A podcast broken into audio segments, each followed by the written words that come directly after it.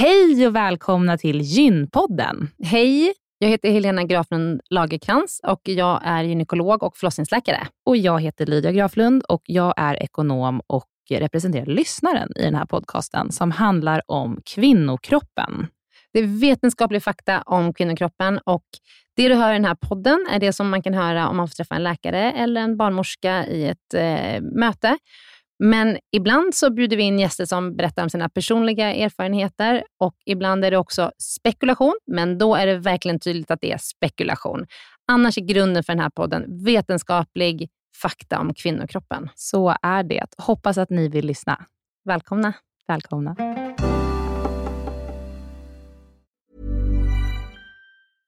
Cool fact a crocodile can't stick out its tongue. Also, you can get health insurance for a month or just under a year in some states. United Healthcare short term insurance plans, underwritten by Golden Rule Insurance Company, offer flexible, budget friendly coverage for you. Learn more at uh1.com. Det här poddavsnittet är sponsrat av SDCare. Det är vårt vårdbolag som vi har varit med och startat som arbetar med kvinnohälsa. Ehm, och I vår app så kan man träffa gynekologer, barnmorskor, sexologer och allmänläkare som kan ge råd och behandling för besvär och problem som till exempel mens, PMS, klimakteriet, infektioner och sådär. Jag säger ofta till dig om att jag har fantastiska vårdmöten i vår eh, app eh, SDK och det är för att jag tycker att det är så viktigt att träffa kvinnor på eh, deras villkor. När de kan ses och eh, utan att de behöver resa långa, långa sträckor för att träffa en gynekolog eller kanske vänta i ett helt år för att träffa en gynekolog. Och, eh, nyligen så hade jag en kvinna som hade jättebesvär med jätteriklig och smärtsam mens. Hon hade haft det ända sedan hon fick sin första mens när hon var 12 år gammal. Och eh, Hon grät en skvätt och jag grät en liten skvätt för jag tänkte på alla unga flickor som går där ute som får sin första mens här nu de här dagarna som kommer eller veckorna som kommer och som ska gå och lida på det här sättet som den här tjejen hade gjort. Och Det finns så mycket hjälp att få och den här hjälpen ska man få överallt, men man måste ju få träffa, när det väl kommer till behandling så måste man få träffa någon som faktiskt vet vad är det för behandling som är effektiv. Man ska aldrig behöva höra att det är så här det är att vara kvinna. Mm. Eh, och Det är ju därför vi har startat SDCare. Ja, det är det ju och det är jätteviktigt som du säger Helena, att få komma just till en specialist som kan området och eh, verkligen ge dig den hjälpen som du förtjänar som kvinna. Och vi har ju faktiskt hjälpt över 4 000 kvinnor från hela Sverige mm. eh, i dagsläget och vi lanserade vårdplattformen förra året. Visst känns det fantastiskt? Det är jätteroligt och jag är jätteglad för det. Så ladda ner SDCare-appen i App Store eller Google Play, så kan du också träffa en av våra fantastiska specialister digitalt. Och eh, du kan få en tid, säkert redan imorgon, om det är så att du behöver det. Så välkomna. Välkomna. Jag tror att många känner som jag just nu en stor sorg för vad som händer i Ukraina och eh, att man känner att man vill på något sätt kunna hjälpa till, men kanske inte vet exakt hur. Ett tips från oss på Gynpodden är att bidra till flyktingarna som lämnar Ukraina just nu, vilket man kan göra via UNHCR, som är FNs flyktingorgan. Eh, krisen drabbar både barn och familjer och liv och säkerhet är i fara och UNHCR är på plats. Så man kan bidra med eh, olika typer av summor som, som kommer att hjälpa människorna som är på flykt just nu. Ett exempel är 370 kronor räcker till ett akut nödpaket som räddar eh, livet på människor som eh, är i en akut situation idag. Och eh, om man bidrar till UNHCR så eh, dubblas din gåva av Akelius Foundation. Så gå in på unhcr.se och bidra helt enkelt. Tack! Hej och välkomna till Gynpodden! Hallå, hallå! Vi som sitter här idag är ju som alltid jag, Helena. Och Lyddan. Lyddan heter du idag. Okej, Lydia. men jag känner att de börjar känna oss. Ja. Eh, och då kan jag gå by my nickname. Okej, okay, så Lyddan. Ska vi kalla dig Lyddan från mm. nu? Mm. Okej. Okay. Men den viktigaste personen här idag är ju vår eminenta gäst Maria Pascho. Välkommen. Hej, hej. Tack, tack. Maria, du är ju eh, biträdande överläkare på Danderyds sjukhus på kvinnokliniken där. Stämmer bra. Du är specialist inom gynekologi och Yes. förlossningsvård. Yes. Nu jobbar du framförallt med gynekologi idag, eller hur? Ja, ja precis. Och jag eh, jobbar ganska mycket med, med dysplasi, cellförändringar alltså. På, på Danderyd. precis. Och det är ju därför du är här, för vi ska prata om HPV-virus och cellförändringar idag. Ja, men eh, hur som helst, jag tycker vi kör igång med dagens ämne.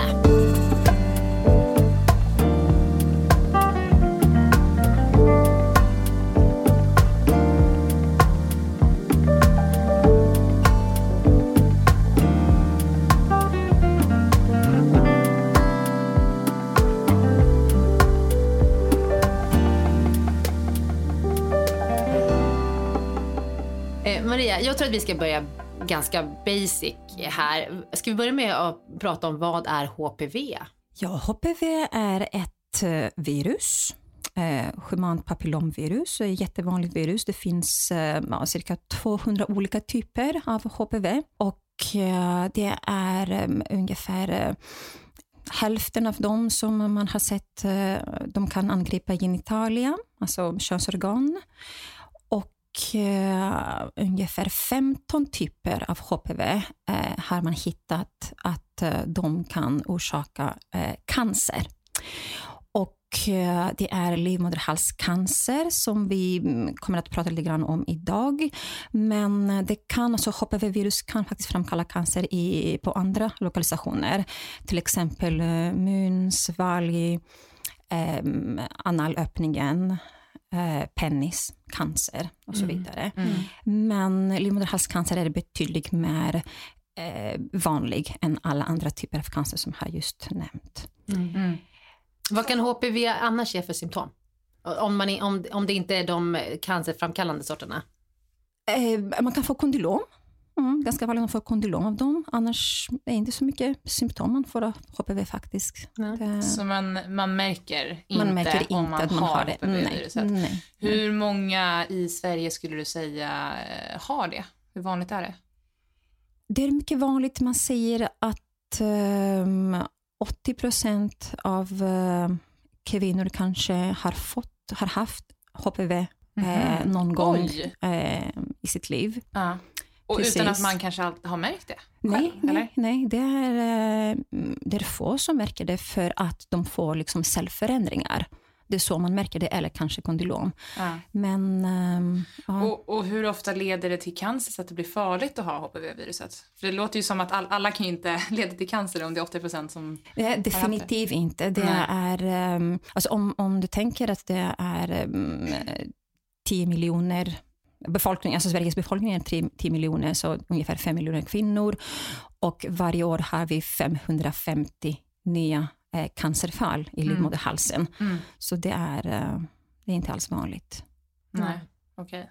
Och min fråga här är väl egentligen, har det varit mer vanligt? För vi vet ju att vaccination eh, kom på plats för, jag kommer ihåg när jag var kanske 15-16 så kommer jag ihåg att man började prata om det här, att man borde ta HPV-viruset och att jag var lite för gammal till exempel och sen så vet jag att mina föräldrar såg till att jag tog det ändå. Eh, men att det var väl strax efter det som det kanske blev mer eh, att det gick in i allmänna vaccinationsprogrammet eller att man, att man började ta det eh, Ja. på alla unga kvinnor eller flickor i alla fall, eller? Ja, precis. Sen, sen 2012 Mm.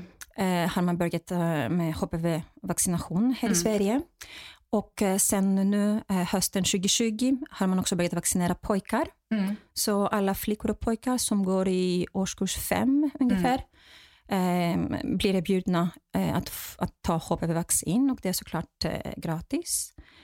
Ehm, och sen ehm, alltså har man av någon anledning inte fått det vaccinet men man vill få det ändå, alltså tjejer som vill ha det. Eh, det ingår i högkostnadsskydd upp till 26 års ålder. Eh, är man äldre än så, då får man betala själv tyvärr. Och det kostar ungefär 3 000 för alla doser. Mm. Och rekommenderar du, jag är ju 30 år då till exempel, mina vänner är också det. Reko- rekommenderar du oss, nu har jag visserligen tagit, men mina vänner att ta det i 30-årsåldern? Alltså, man, man har sett att vaccinet är safe, det är säkert. Det, har- det har inte eh, några allvarliga biverkningar. Mm. Man har gett eh, miljontals doser i världen utan Mm. att se några eh, biverkningar. Så det skadar inte. Samtidigt måste man säga att det har inte lika bra skydd ju äldre man blir. Så ju yngre man är när man tar vaccinet och tar man det innan man har börjat ha sex, då har det liksom my- mycket bättre effekt. Det skyddar mycket bättre. Mm. Men absolut, det, det är inte kontraindicerat att ta det när man är äldre. Och ehm, ja, det, det är inte så att det finns formella rekommendationer Mm. eftersom liksom, det finns inte så bra data för det. Det, finns inte liksom så många studier som är gjorda. Mm. Men det är på gång. Det är många studier på gång. Så man just nu kollar hur bra skydd det ger hos äldre kvinnor och om det hjälper till och med efter att man, får, man har fått eh, Mm. cellförändringar och efter att man har blivit behandlad för cellförändringar. Om det hjälper att ta vaccinet efteråt. Har man redan sett en stor effekt av att man 2012 började ge vaccinet till Ja. alla flickor? Ja, eh, det har man sett. Mm. Man har sett att eh, allvarliga cellförändringar har minskat med ungefär 60-65 procent Mm. sen man har börjat med vaccinationen. Så det är jättebra, precis. Och man räknar med att eh, blir 80 procent mindre, alltså Mm. lägre. Det är helt Ja, det är fantastiskt. helt fantastiskt. Så det, det, känns, det, eh, hjälper definitivt. Grattis Sverige. Gra- ja, grattis Ja. världen att det Ja. finns. Det är, det är väl första cancersorten som vi vaccinerar mot? Eller kan du komma på någon Ja. mer? Ja. Ja, det är en bra fråga. Nej, jag kan Heja, inte heja komma... gin. Mm. Ja. Men jag har en fråga där. Hur kommer det sig att, ehm, att killar får det först nu?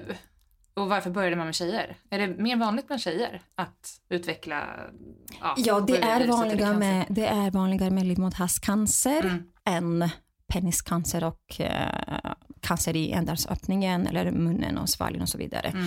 Så dels det, och dels för att det hela började med livmoderhalscancer och cellförändringar. Det är så liksom screeningen började, det är så man liksom eh, hittade HPV-virus och det är därför man började med kvinnor, för man tänkte eh, initialt, oh, vi måste liksom få ner livmoderhalscancer. Mm. Nu vacciner, incidenten. vaccinerar vi alla Men de som nu- har en livmodertapp. Ja, precis. Men nu Mm. vet man, ja, men vänta nu, det är alltså pojkar eller män drabbas också Mm. av eh, cancerformer som beror på HPV-virus, nummer ett. Och nummer två, man tänker också på folkimmunitet nu, det är en ganska liksom modern term nu när vi har coronavirus också, att eh, ju mindre HPV-virus finns i samhället, desto mindre liksom spridning, spridning det blir. Mm, Just det, för det sprider sig via sexuell kontakt. Precis, eller? det sprider Ja. sig eh, via sex. Mm. Och det är inte bara, det är bra att veta, det är inte bara penetrationssex, så alla former av sex, tänk liksom oralsex, smäckningar och så vidare, de kan sprida HPV. Mm. Det är bra att ha i åtanke. Mm. För att ibland tänker man, ah, men jag har inte liksom riktigt haft sex på riktigt än, Mm. kanske jag behöver inte ta cellprov, men så är det inte riktigt. Så man Nej. kan ha fått det, trots att det inte Hur hänger eh, HPV-viruset och cellförändringar ihop? Ja, men eh, cellförändringar beror på HPV-virus. Man måste ha HPV-virus för att få cellförändringar som kan i värsta fall leda till livmoderhalscancer. Mm. Och eh, man har sett att det är persistensen av HPV-virus, alltså att man har haft HPV-virus i flera år som ger cellförändringar. Eh, Har man haft det i några månader och sen det har läckt ut, det är ingen fara. För det är det som händer. Alltså, många av oss blir smittade av HPV. Vi vet inte om det såklart. Det kan läcka ut efter några månader. De flesta läcker ut inom två år, har man Mm. sett. Men eh, de HPV-infektionerna som inte läcker ut, de är kvar år efter år efter år. Och det är då de kan liksom börja ge de här cellförändringarna, att de, eh, de ändrar formen och strukturen Mm. i cellerna på livmodertappen. Det är det som är cellförändringar. Va? Mm. Det är att cellerna som täcker livmodertappen ehm, får en annan, en avvikande form och struktur. Och livmodertappen är den delen av livmoder som ligger liksom längst ner. Det är det som vi kan se när vi tittar, vi gynekologer i alla fall, tittar Mm. in i slidan. Då Mm. ser vi liksom en liten bit av livmoder och det är det som är livmodertappen. Så om man har haft, eh, om man har haft cellförändringar och Mm. kanske gjort en mindre, ett mindre ingrepp för att ta bort det här eller större Mm. ingrepp eller hur, hur det nu har varit. Då har man alltså haft eller har HPV-viruset för att det är det som har lett till att cellförändringarna skedde och som man då upptäckt då i någon av de här kontrollerna som man gör. Ja, exakt. exakt. Man har haft HPV under ganska lång tid och det har lett till cellförändringar. Man har upptäckt dem, man har tagit bort dem.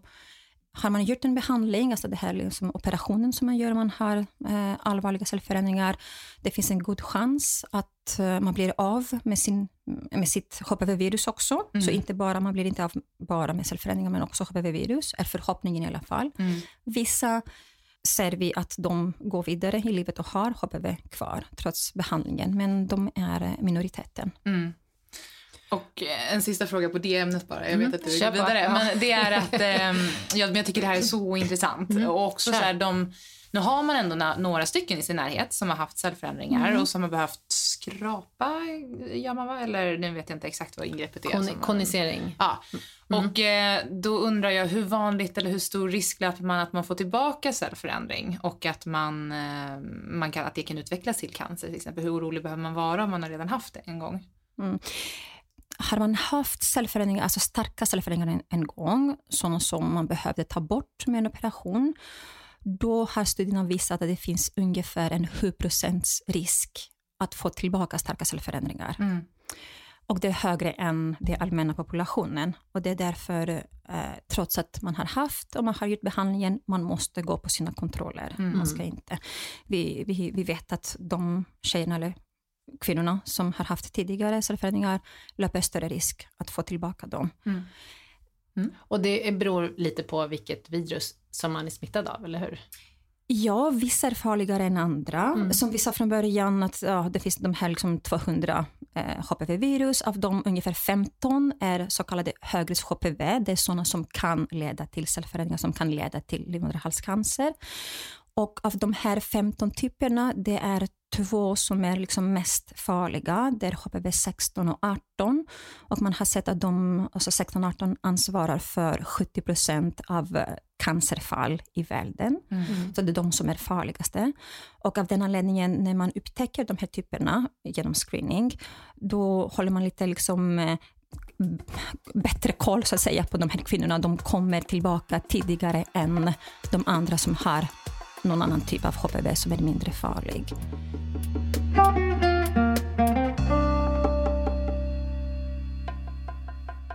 Den här veckans avsnitt av Gynpodden är sponsrad av Libresse. Yes. Och Libresse, likt oss i Gynpodden, strävar ju efter att bryta tabun kring mens, vaginor och vulvor. Så att alla med en livmoder världen över ska känna sig stärkta och ha möjlighet att leva livet precis som de vill utan rädsla eller skam. Ja, och jag eh, som gynekolog, men också som kvinna såklart, vet ju Lydia, och nu vet ju du också det när vi har poddat här i några veckor, att Jag är också En kvinna. i och du är Så jag också visste kvinna. ju det utifrån det perspektivet Ja. innan. Men ja. Mm. Ja, att en livmoder är ett fantastiskt organ, men det kan också orsaka så mycket problem och smärta.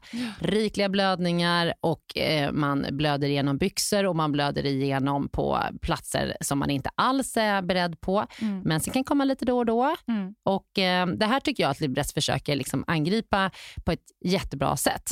Jag tycker att jag är inne på deras sajt här nu Mm. och eh, jag kan verkligen tipsa om att gå in och läsa om myter och fakta, till Mm. exempel som de har om daglig intimhygien, din första mens, puberteten. De lyfter verkligen de här ämnena Mm, som jättebra. är tabubelagda Mm. och eh, ja, men bra att veta. Yes. Och eh, På hemsidan så finns det också alla deras produkter. Trosskydd och bindor och eh, de är både vulvavänliga och svanenmärkta. Mm. Man märker att Libres li- verkligen kämpar för att alla underliv ska få, ett, eh, ja, men få en bra miljö, ett bra Mm. liv.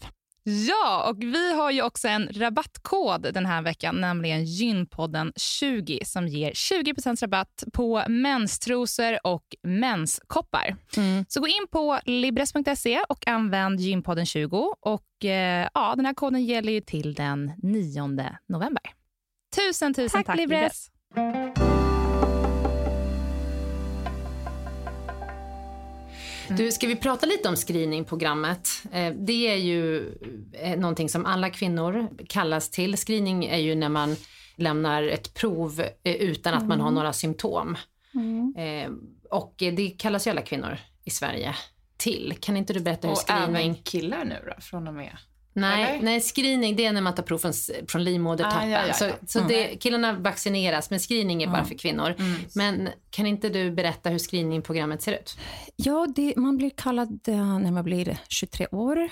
Eh, och eh, man kallas var tredje år för cellprovtagning. Eh, och man behöver inte, alltså kallelse kommer hem till en liksom per automatik. Man behöver inte eh, kolla upp det själv. Så var tredje år upp till 50 års ålder. Och från 50 års ålder var sjunde år fram till 64 års ålder. Och detta givet att man inte har några symptom på cellförändringar, eller hur? Precis, som vi kanske nämnde innan, jag minns inte, jag tror vi nämnde det, alltså cellförändringar ger inte så mycket symptom. De ger egentligen inga symptom. Eh, det är eh, cancer, livmoderhalscancer, som kan ge blödningar och avvikande flyttningar. Men cellförändringar brukar inte ge så mycket symptom. Så har man symptom som alltså, samlagsblödningar eller eh, oregelbundna blödningar och mm, alltså, sånt som man inte kan förklara, eh, då ska man söka gynekolog för att bli undersökt. eh, Och cellprovtagningen ingår i den undersökningen, men det är liksom en, en hel del utredning som görs, inte bara cellprovtagning. Va? Nej. Så när vi pratar om screening, vi pratar om kvinnor som är asymptomatiska, de har inga besvär, de kallas var tredje år för att lämna ett cellprov. Är de över 50, då blir det var sjunde år. Just det. Mm. Men det är egentligen det jag ville komma till var bara att även om man då har lämnat kanske ett cellprov och det är bara ett och ett halvt år sedan och sen får man kanske blödningar i samband med Man ska söka samlag, vård. då ska man alltid Man ska söka. alltid söka. Ja. Man ska alltid söka vård. att man inte lutar sig tillbaka allt för mycket Mm. bara för att man ingår i screeningprogrammet. Så det kan utvecklas däremellan egentligen, är det man menar? Ja. ja. Ja, precis. Ja. Nu, nu har man ju bestämt att tre år för kvinnor upp till 50 års ålder är ett säkert intervall, Mm. men man ska alltid söka om man får symptom, för det, det finns eh, spe- specialfall liksom inom alla områden.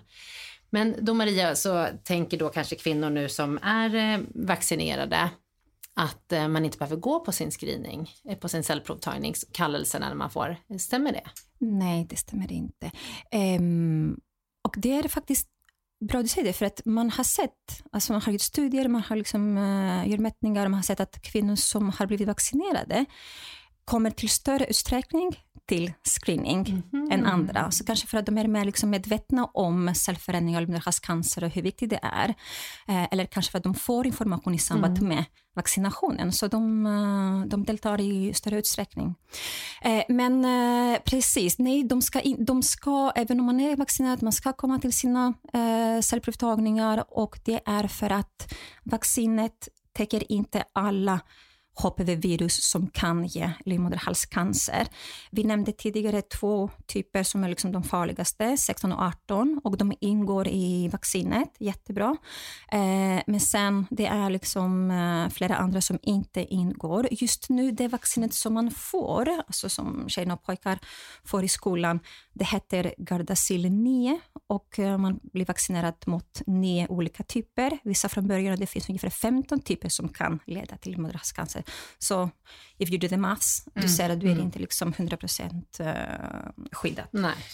Men det, det tycker jag ändå är intressant att du säger att studier visar att kvinnor går mera på cellprovtagningar. För det var ju ett argument i början när vi skulle börja Precis. vaccinera. Att, tänk om vi tappar de här tjejerna nu som är vaccinerade, att de inte kommer på screeningen. Då kommer vi få det kommer bli lite farligt. Men då, Precis. det visste inte jag att, att studier hade visat på det. Det var, ju, det var ju kul och intressant att höra. Det det här betyder är alltså att vi skulle kunna skaffa en flockimmunitet i världen mot en cancer. Mm. Det är ju i praktiken, alltså, är inte det fantastiskt? Jo, Ändå? det är måste vara första cancern man kan ut, eventuellt utrota, på något sätt. Eh, Men det finns en sån vision eh, att utrota livmoderhalscancer. Eh, Australien tror jag är ett av länderna som eh, har annonserat att de, kommer, de tror att de kommer att uppnå eh, en sån immunitet inom några år bara. Och det är vårt mål också här i Sverige. Eh, WHO, alltså World Health Organization, har sagt det som, eh, som sitt mål att utrota livmoderhalscancer. Eh, så det, det, det går. mm. Det är fantastiskt.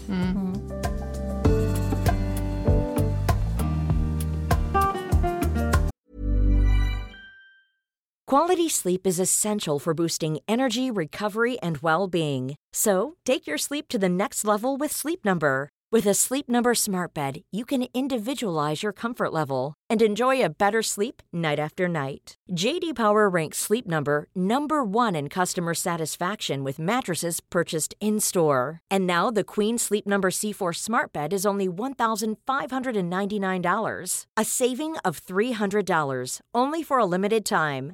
For JD Power 2023 award information, visit jdpower.com/awards. Only at Sleep Number stores or sleepnumber.com.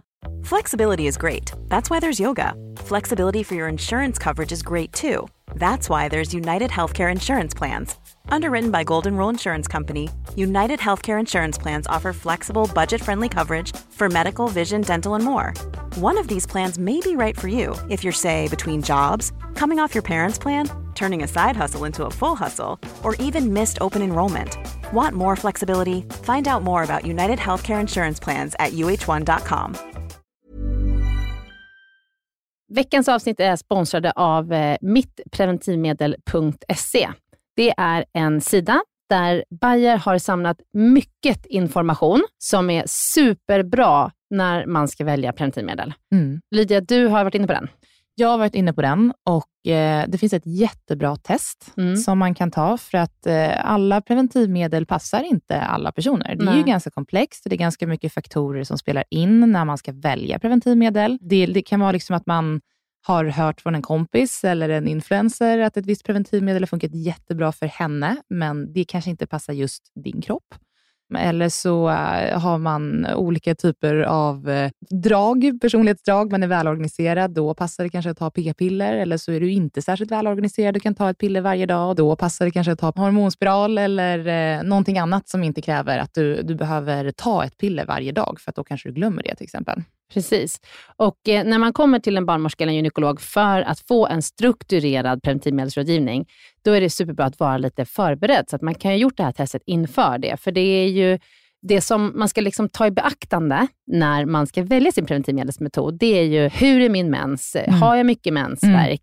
Vad händer om jag blir gravid? Liksom, är det sådär att du känner att ah, det finns ingen bra timing, blir det barn så blir det barn. Mm. Då behöver man inte ha någonting som är lika säkert Mm. som om det var sådär att skulle jag bli gravid nu, då, då skulle jag välja att göra en abort, vilket är liksom någonting som ändå är ganska tidskrävande och Ja. besvärligt och jobbigt för många. Eller att det är farligt för en att bli gravid. Ja, och farligt att bli gravid. Då Ja. måste man ha ett jättesäkert skydd. Så det är jättemycket saker som eh, man kan fundera på och då kan man gå in och göra det här testet. Så gå in på mitt preventivmedel och söker fram till testet, gör testet och Mm. sen så gör ni det och där får ni svara på massa frågor som eh, liksom är inriktade på just dig. Ja, och, Och- då rankar den Mm. en massa olika typer av preventivmedelsmetoder Mm. eh, utifrån hur du har svarat. Och Sen så kan du gå in och läsa lite mer om dem, Mm. eller så kan du välja ut några stycken av dem och så kan du jämföra dem sinsemellan, så att du verkligen kan sålla ner vad som borde passa dig Ja. bäst. Du Lydia, jag gjorde det här testet. Gissa vad jag fick? Eh, du har fått alla dina barn som du vill ha. Mm. Eh, jag tror att du fick hormonspiral. Ja, korrekt. Ja. Gissa vad jag fick då? Eh, hormonspiral. Nej, Va? för att jag kommer ju vilja ha barn inom fem år. Ah, Det fick Korrekt. jag inte. nej. Mm. Okej, så du fick p-piller kanske? Ja, Mm. jag fick faktiskt p-piller. Och eh, är strukturerad och Ja. kan ta ett piller varje dag. Ja, det är inga problem för eh, dig. Nej, Nej. precis. Ja, men superbra. Gör testet och eh, ja, ha med i det, den informationen när ni går och gör er preventivmedelsrådgivning eh, rådgivning hos barnmorska eller gynekolog. Ja, Ja. tack Bayer. Tack Bayer!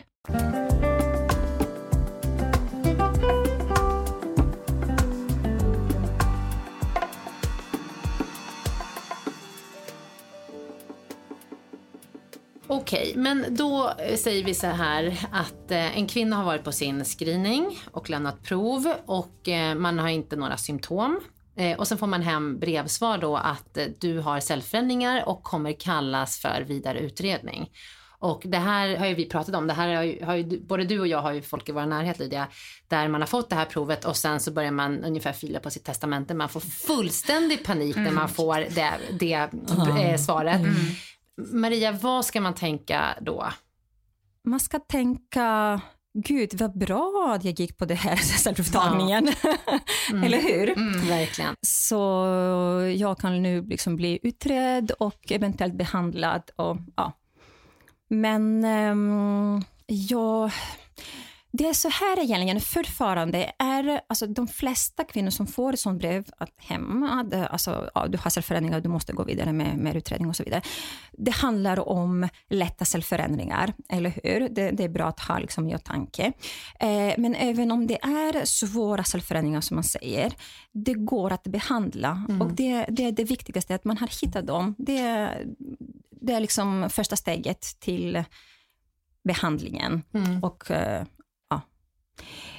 och vad händer här, härnäst då? Ja, precis, det, det finns liksom lite olika alternativ. Man blir kallad till, um, så får man får, man får um, alltså brevet, svaret att du har cellförändringar, du ska bli kallad till en uh, gynekologmottagning för vidare utredning.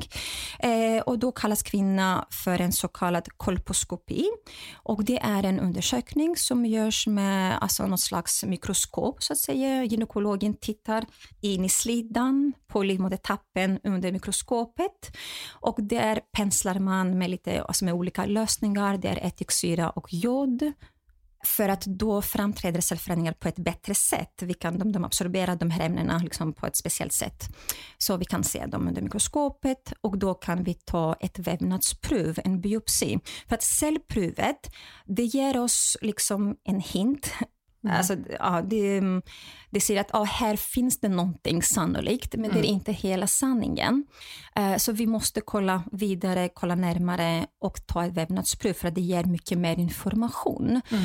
Och uh, att man får svar på cellprovet att det finns cellförändringar, det behöver inte nödvändigtvis vara så att det finns. Nej. Eh, det är bara något som initierar en utredning. Så det kan vara så att man tittar och tar sina vävnadsprov och säger nej, här finns det ingenting. Det var liksom um, felbedömt eller det fanns något annat som gav den bilden. För att när man tittar under alltså de cytologerna som bedömer cellprovet, eh, de, ger, de ser avvikande celler, men de kan inte alltid säga om det är av den typen som kan leda till livmoderhalscancer. Det finns liksom andra saker som kan eh, gör att eh, en, ett cell ser avvikande ut. Mm, så, att säga. Mm. så det betyder inte att det är en början till eh, alltså allvarliga cellförändringar och eventuellt livmoderhalscancer.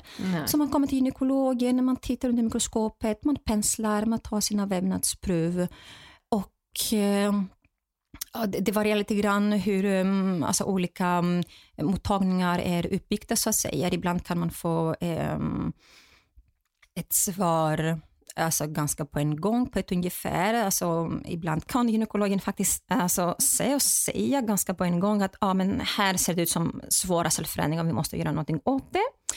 Men ibland är det svårt för oss också att veta vilken typ, vilken grad av cellförändringar det handlar om, även om vi, vi ser under mikroskopet, vi tittar under mikroskopet. Så vi måste vänta på svaret på de här liksom, vävnadsproverna. Det tar liksom mellan ja, två till sex veckor kanske, varierar lite. Och när svaret kommer och vi ser att det handlar om lätta cellförändringar, eh, då brukar man faktiskt inte göra mycket mer än att ta tillbaka kvinnan om ett eller två år, beroende på olika faktorer, för en ny undersökning. För att vi vet att det finns jättegoda, jättegod chans att lätta cellförändringar läcker ut av sig själva. Eh, som vi sa, tror jag, i början, 80 procent av dem kommer att läcka ut inom två år. Mm. Så man kan vänta och se vad som händer. Kroppens eh, eget immunförsvar kan ta hand om dem. Men säger man att det handlar om allvarliga cellförändringar, då är det liksom lite svårare att bara vänta och se. För att det, vi vet ännu inte vilka av dem kommer att gå vidare till livmoderhalscancer och hur snabbt.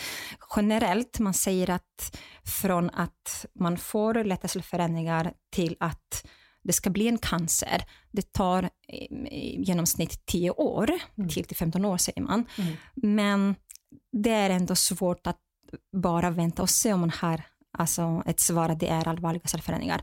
Och då rekommenderar man en behandling. Än så länge finns det tyvärr ingen medicin mot HPV-virus eller cellförändringar och det är bara eh, ett ingrepp, en liten operation som vi kan göra just nu och det eh, kallas för konisering och det innebär att eh, gynekologen hyvlar bort den yttersta delen av livmodertappen där cellförändringarna sitter. Eh, och eh, det brukar göras bara i lokal bedövning. Man behöver inte, ha, man behöver inte bli sövd eller något sånt. Eh, ibland kan man bli erbjuden sedering också, lite lugnande och smärtstillande samtidigt om man är liksom ganska nervös. Och eh, det går för det mesta att diskutera såklart om man vill bli sövd. Det, alltså, den möjligheten finns, men mm. det behövs inte. Majoriteten av sådana ingrepp görs i bara lokal bedömning. Det tar typ 10-15 minuter och man går hem efter ja, någon timme. Jag tror en, en vanlig tanke som uppstår när man får reda på att man har cellförändring är eh, hur, eh, hur snabbt kommer den här cellförändringen fortsätta gå mot någonting eventuellt farligt, det vill säga kanske cancer, mm. under den tiden innan man tar nästa steg eller innan man, innan man får mer hjälp. Och då känns det ju väldigt bra när du säger att det tar ungefär tio år mm. Mm. Eh, från lätta cellförändringar visserligen till att det blir cancer, men det måste ju även ta väldigt lång tid även om du har ganska allvarliga cellförändringar. Hur snabbt utvecklas det så att man har, vet det?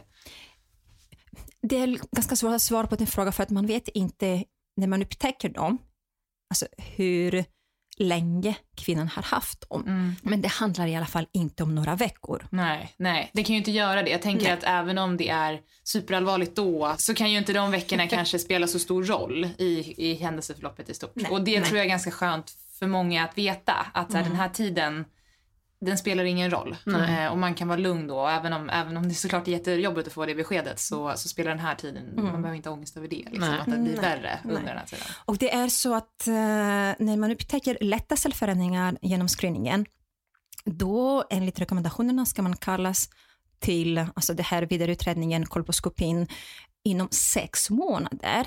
Och det är, man vill gärna vänta, eh, alltså vanligtvis några månader. Man vill inte kalla kvinnan på igång för att man vill ge kroppen en chans att läcka ut. Man vet att mycket kan hända inom sex månader, så från att man får fått liksom svarade lätta cellförändringar, det kan dröja upp till sex månader innan man får komma till en eh, vidare eh, utredning. Men mm. det gör ingenting. Mm. Det, är liksom, det är tänkt att det ska vara så. Mm. Och när det handlar om svåra cellförändringar, man har satt alltså typ gränsen till tre månader. Mm. Återigen för att man vet att det, det är liksom ingen fara att vänta den tiden. Mm. Det är en långsamt eh, fortskridande sjukdom mm. om det är så att det, att det är en allvarlig sjukdom. Mm. Jag tror att det är en av de mest stressande faktorerna när man ja, väl får veta. Och sen såklart vänta. hur allvarligt det är vill man ju också veta. Eh, mm. men just tiden som går tills man får en behandling. Eh, men då vet man det, att då behöver man inte vara orolig för att det i alla fall ska bli eh, ett sämre tillstånd under den tiden. Nej, nej.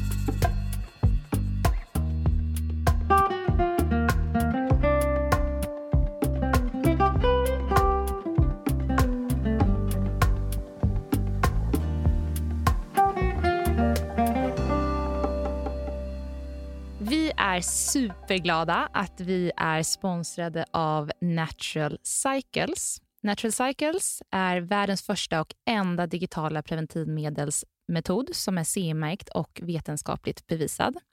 Det är ett utmärkt alternativ för kvinnor som letar efter ett naturligt och icke-invasivt alternativ till hormonella preventivmedel. Helena, vill du berätta lite hur det fungerar? Ja. Förra veckan hade vi eh, Elina som är Natural Cycles grundare med här i podden. Det var så roligt ja, det var att få prata med henne. Hon så imponerande. Ja, superimpad. Det är ju så, Lydia, att det är bara vissa dagar i månaden som du är fertil och kan bli gravid. Så appen bygger på just den här algoritmen som identifierar din dagliga fertilitetsstatus baserat på din basala kroppstemperatur. Så det finns en nyckellänk mellan fertilitet och kroppstemperatur och det beror på att direkt efter ägglossningen inträffar under menscykeln så finns det en märkbar ökning av den basala kroppstemperaturen. Och varje morgon mäter du då din basala kroppstemperatur med en Natural Cycles termometer som har två decimaler. Och när du väl har lagt in din temperatur i appen så ger Natural Cycles dig en röd dag eller en grön dag beroende på om du är fertil eller inte. Och alltså om du kan bli gravid eller inte. Och En grön dag då är du inte fertil och du behöver inte använda skydd under samlag. Medan en röd dag betyder att du är fertil och du bör använda skydd eller avstå samlag. Hur effektivt är det?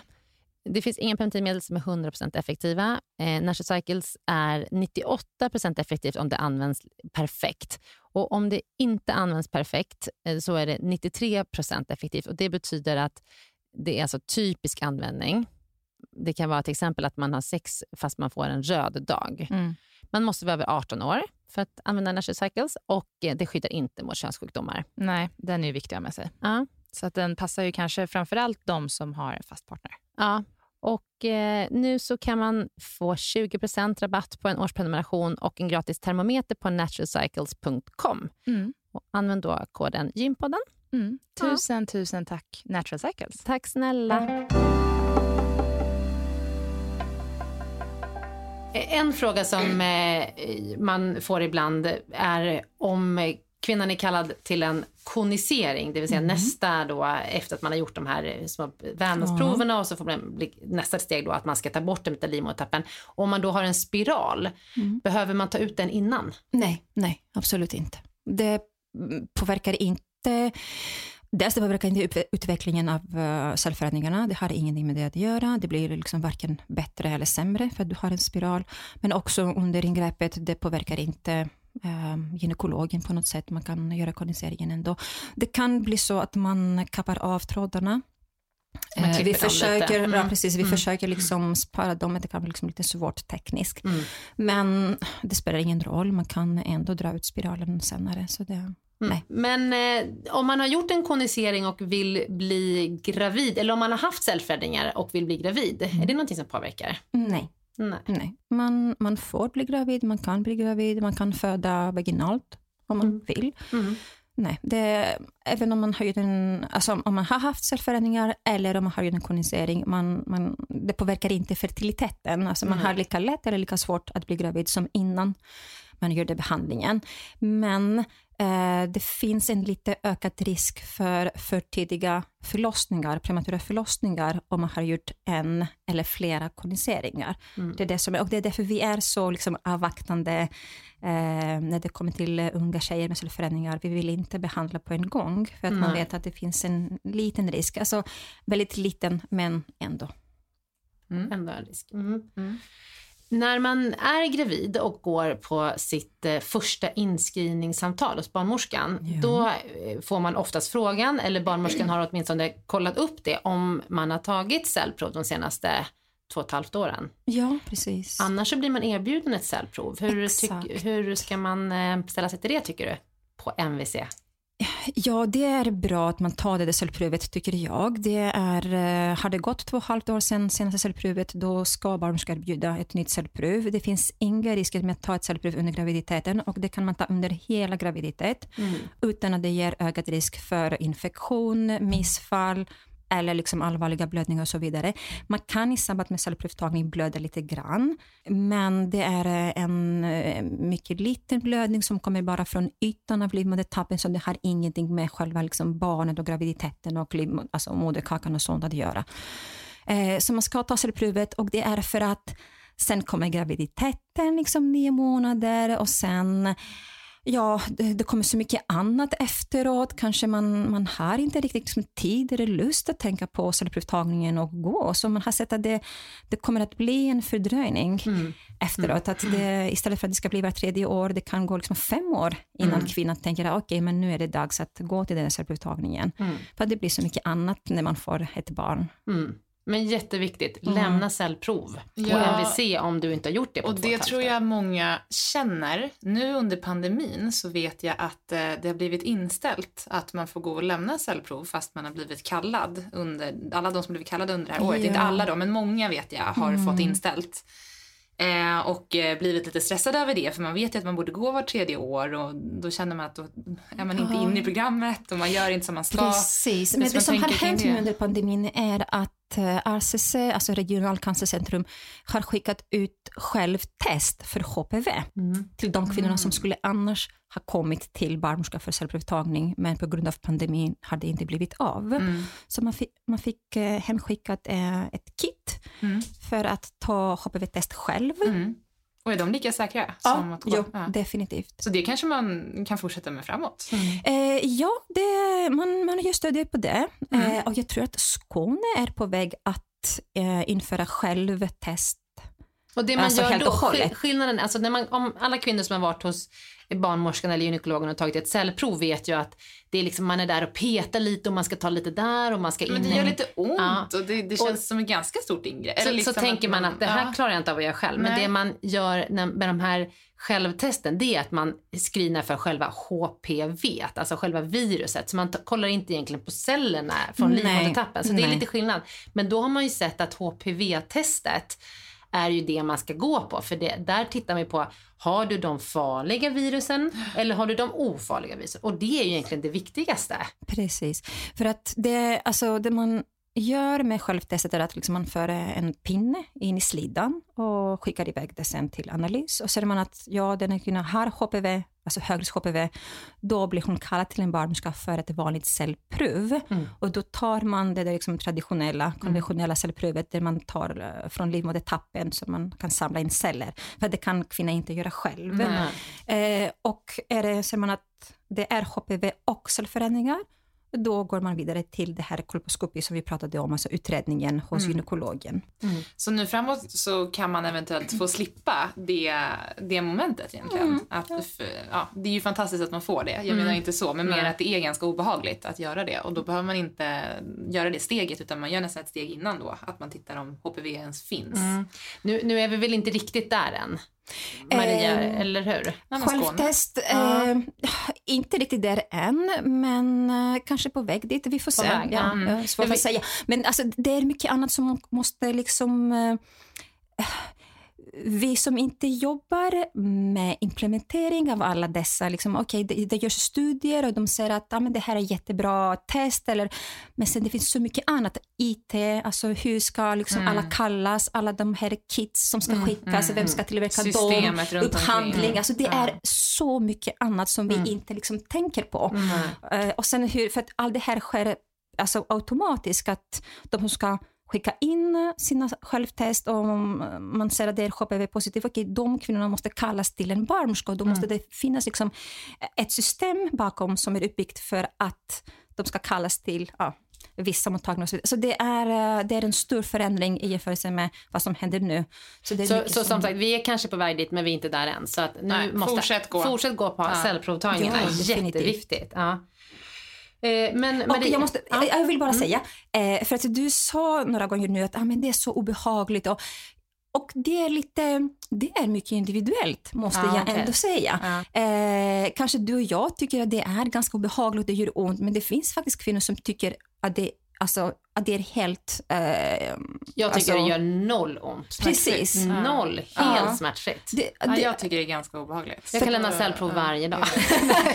för att jag har träffat kvinnor... Är det inte för att du är läkare då? Att Nej, jag tycker inte att det gör ont. Nej, okej. Låter nästan glad när du pratar om det. Jag längtar efter nästa cellprov. Gud, jag ska lämna cellprov igen. Ja. Nej, men för jag, har, så, jag gör de här utredningarna på mottagningen, kolposkopierna. Och eh, kvinnor frågar inför eh, vävnadsprovtagning, kommer det göra ont? Och då är det faktiskt kvinnor som, alltså jag tar vävnadsprovet och de har inte ens märkt att jag har tagit det.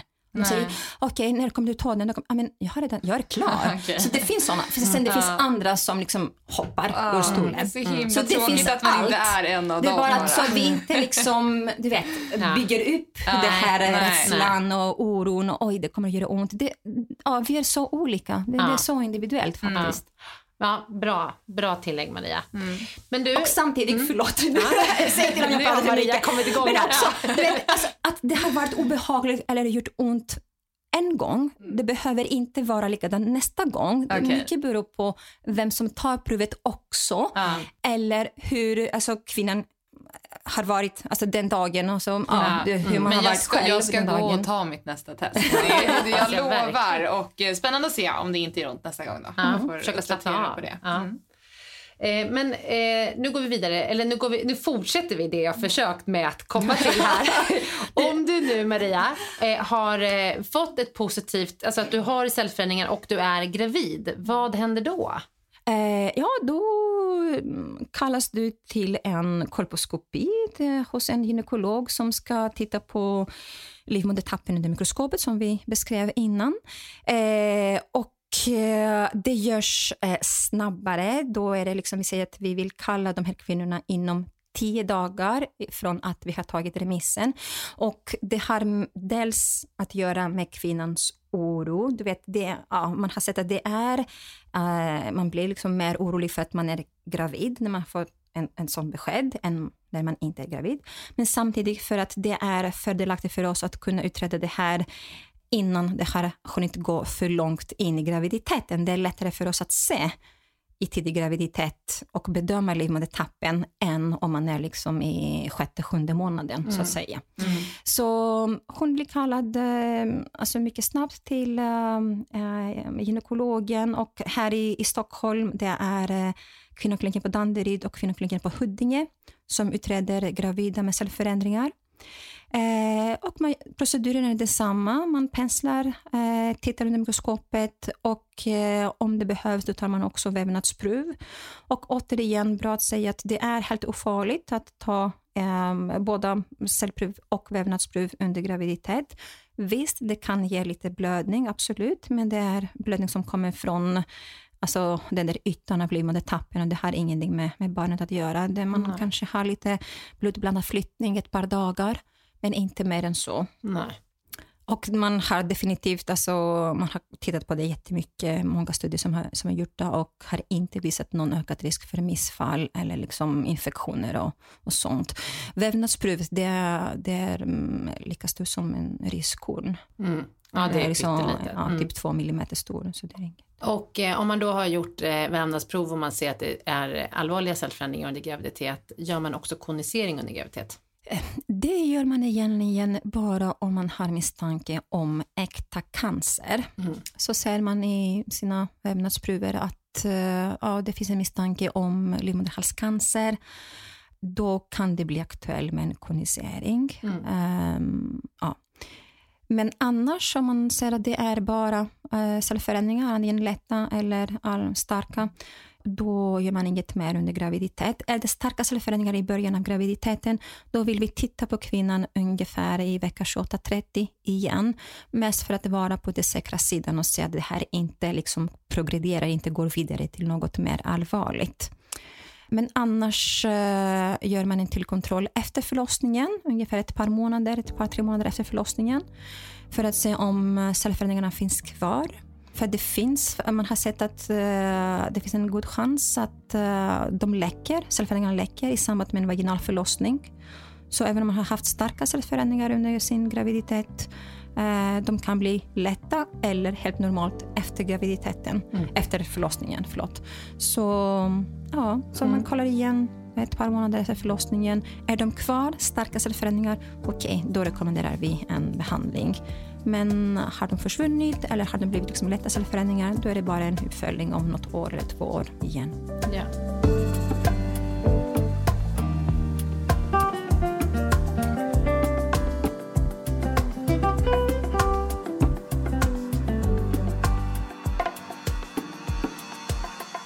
HPV orsakar cellförändringar. Finns det några andra livsstilsfaktorer som påverkar cellförändringar och risken att utveckla cancer? Um, rökning jätteviktigt. Det försämrar prognosen. Det mm. försämrar, mm. precis. Mm. Det är mm. mycket högre risk att få cellförändringar i sig. Mycket svårare att bli av med HPV-virus och mycket större risk att man får en livmoderhalscancer när man röker. Så något som man kan göra själv om man får liksom besked att man har cellförändringar, då är det bra att sluta röka om man mm. gör det. Är det några andra livsstilsfaktorer? Immunsuppression, mm, om man har till exempel HIV samtidigt, mm. då, då är det mycket större risk att få HPV och cellförändringar och livmoderhalscancer. Eh, eller om man är immunsupprimerad på grund av läkemedel. Om man tar Vad cortison. betyder det? Förlåt. Att ens immunförsvar är sämre än liksom, genomsnittet. Precis. Mm. Och då är det kanske för att eh, man har någon sjukdom som man behandlar med, med höga doser kortison. Mm. Eller till exempel kvinnor som har ERA, reumatoid artrit, eller morbus Crohn, en tarmsjukdom. De får immunsupprimerande behandlingar, alltså mm. mediciner som trycker ner kroppens eget immunförsvar. Okay. Så det gör att det är svårare för dem att bli av med HPV-infektionen. Mm, som vi sa, alltså långvarig HPV-infektion kan leda till cellförändringar eller cancer. Mm. Så immunsuppression, alltså sämre immunförsvar på grund av ja, eh, mediciner eller sjukdomar. Eh, sen antalet eh, sexpartners som man har haft. Alltså ju flera personer man kommer i mm, kontakt med alltså sexuellt, eh, desto större risk är att man eh, blir utsatt för HPV, eller hur? Mm.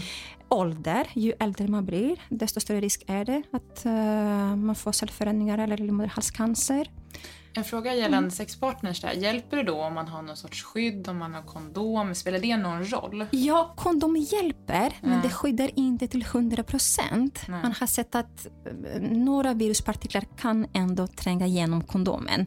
Men det ger, alltså, det ger viss skydd, absolut. Så mm. vi rekommenderar kvinnorna att använda kondom mm. eh, mot HPV också. Mm. Men det är inte 100 procent säkert. Ja. ja, Maria, fantastiskt eh, informativt eh, avsnitt det här blev. Verkligen, super, superintressant. Mm. ja, men verkligen. Har du någonting mer Lydia som du har tänkt på? Som du har, för att vi har pratat mycket om det här. Du hade mm. mycket frågor om det här innan. Mm. Men jag tycker att, eh, jag tror det. Maria har varit eh, superintressant att lyssna mm. på dig och mm. eh, verkar kunna väldigt, väldigt mycket. Men jag säger ju det, hon är ju som en uppslags, ja, men, ett, ett uppslagsverk. Ni sluta, sluta.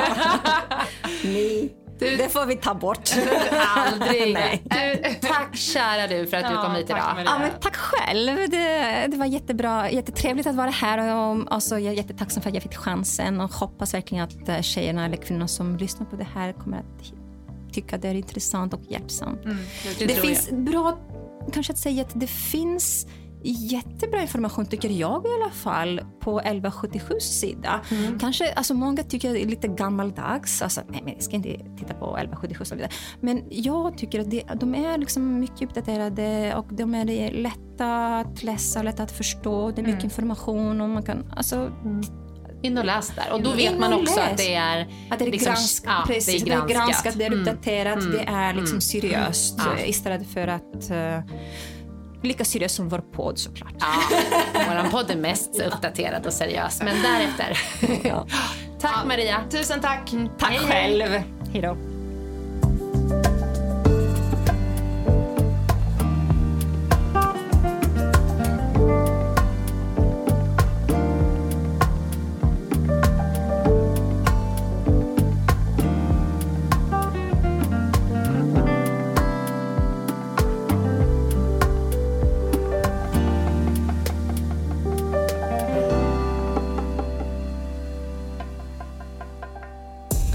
Podcasten är producerad av Perfect Day Media.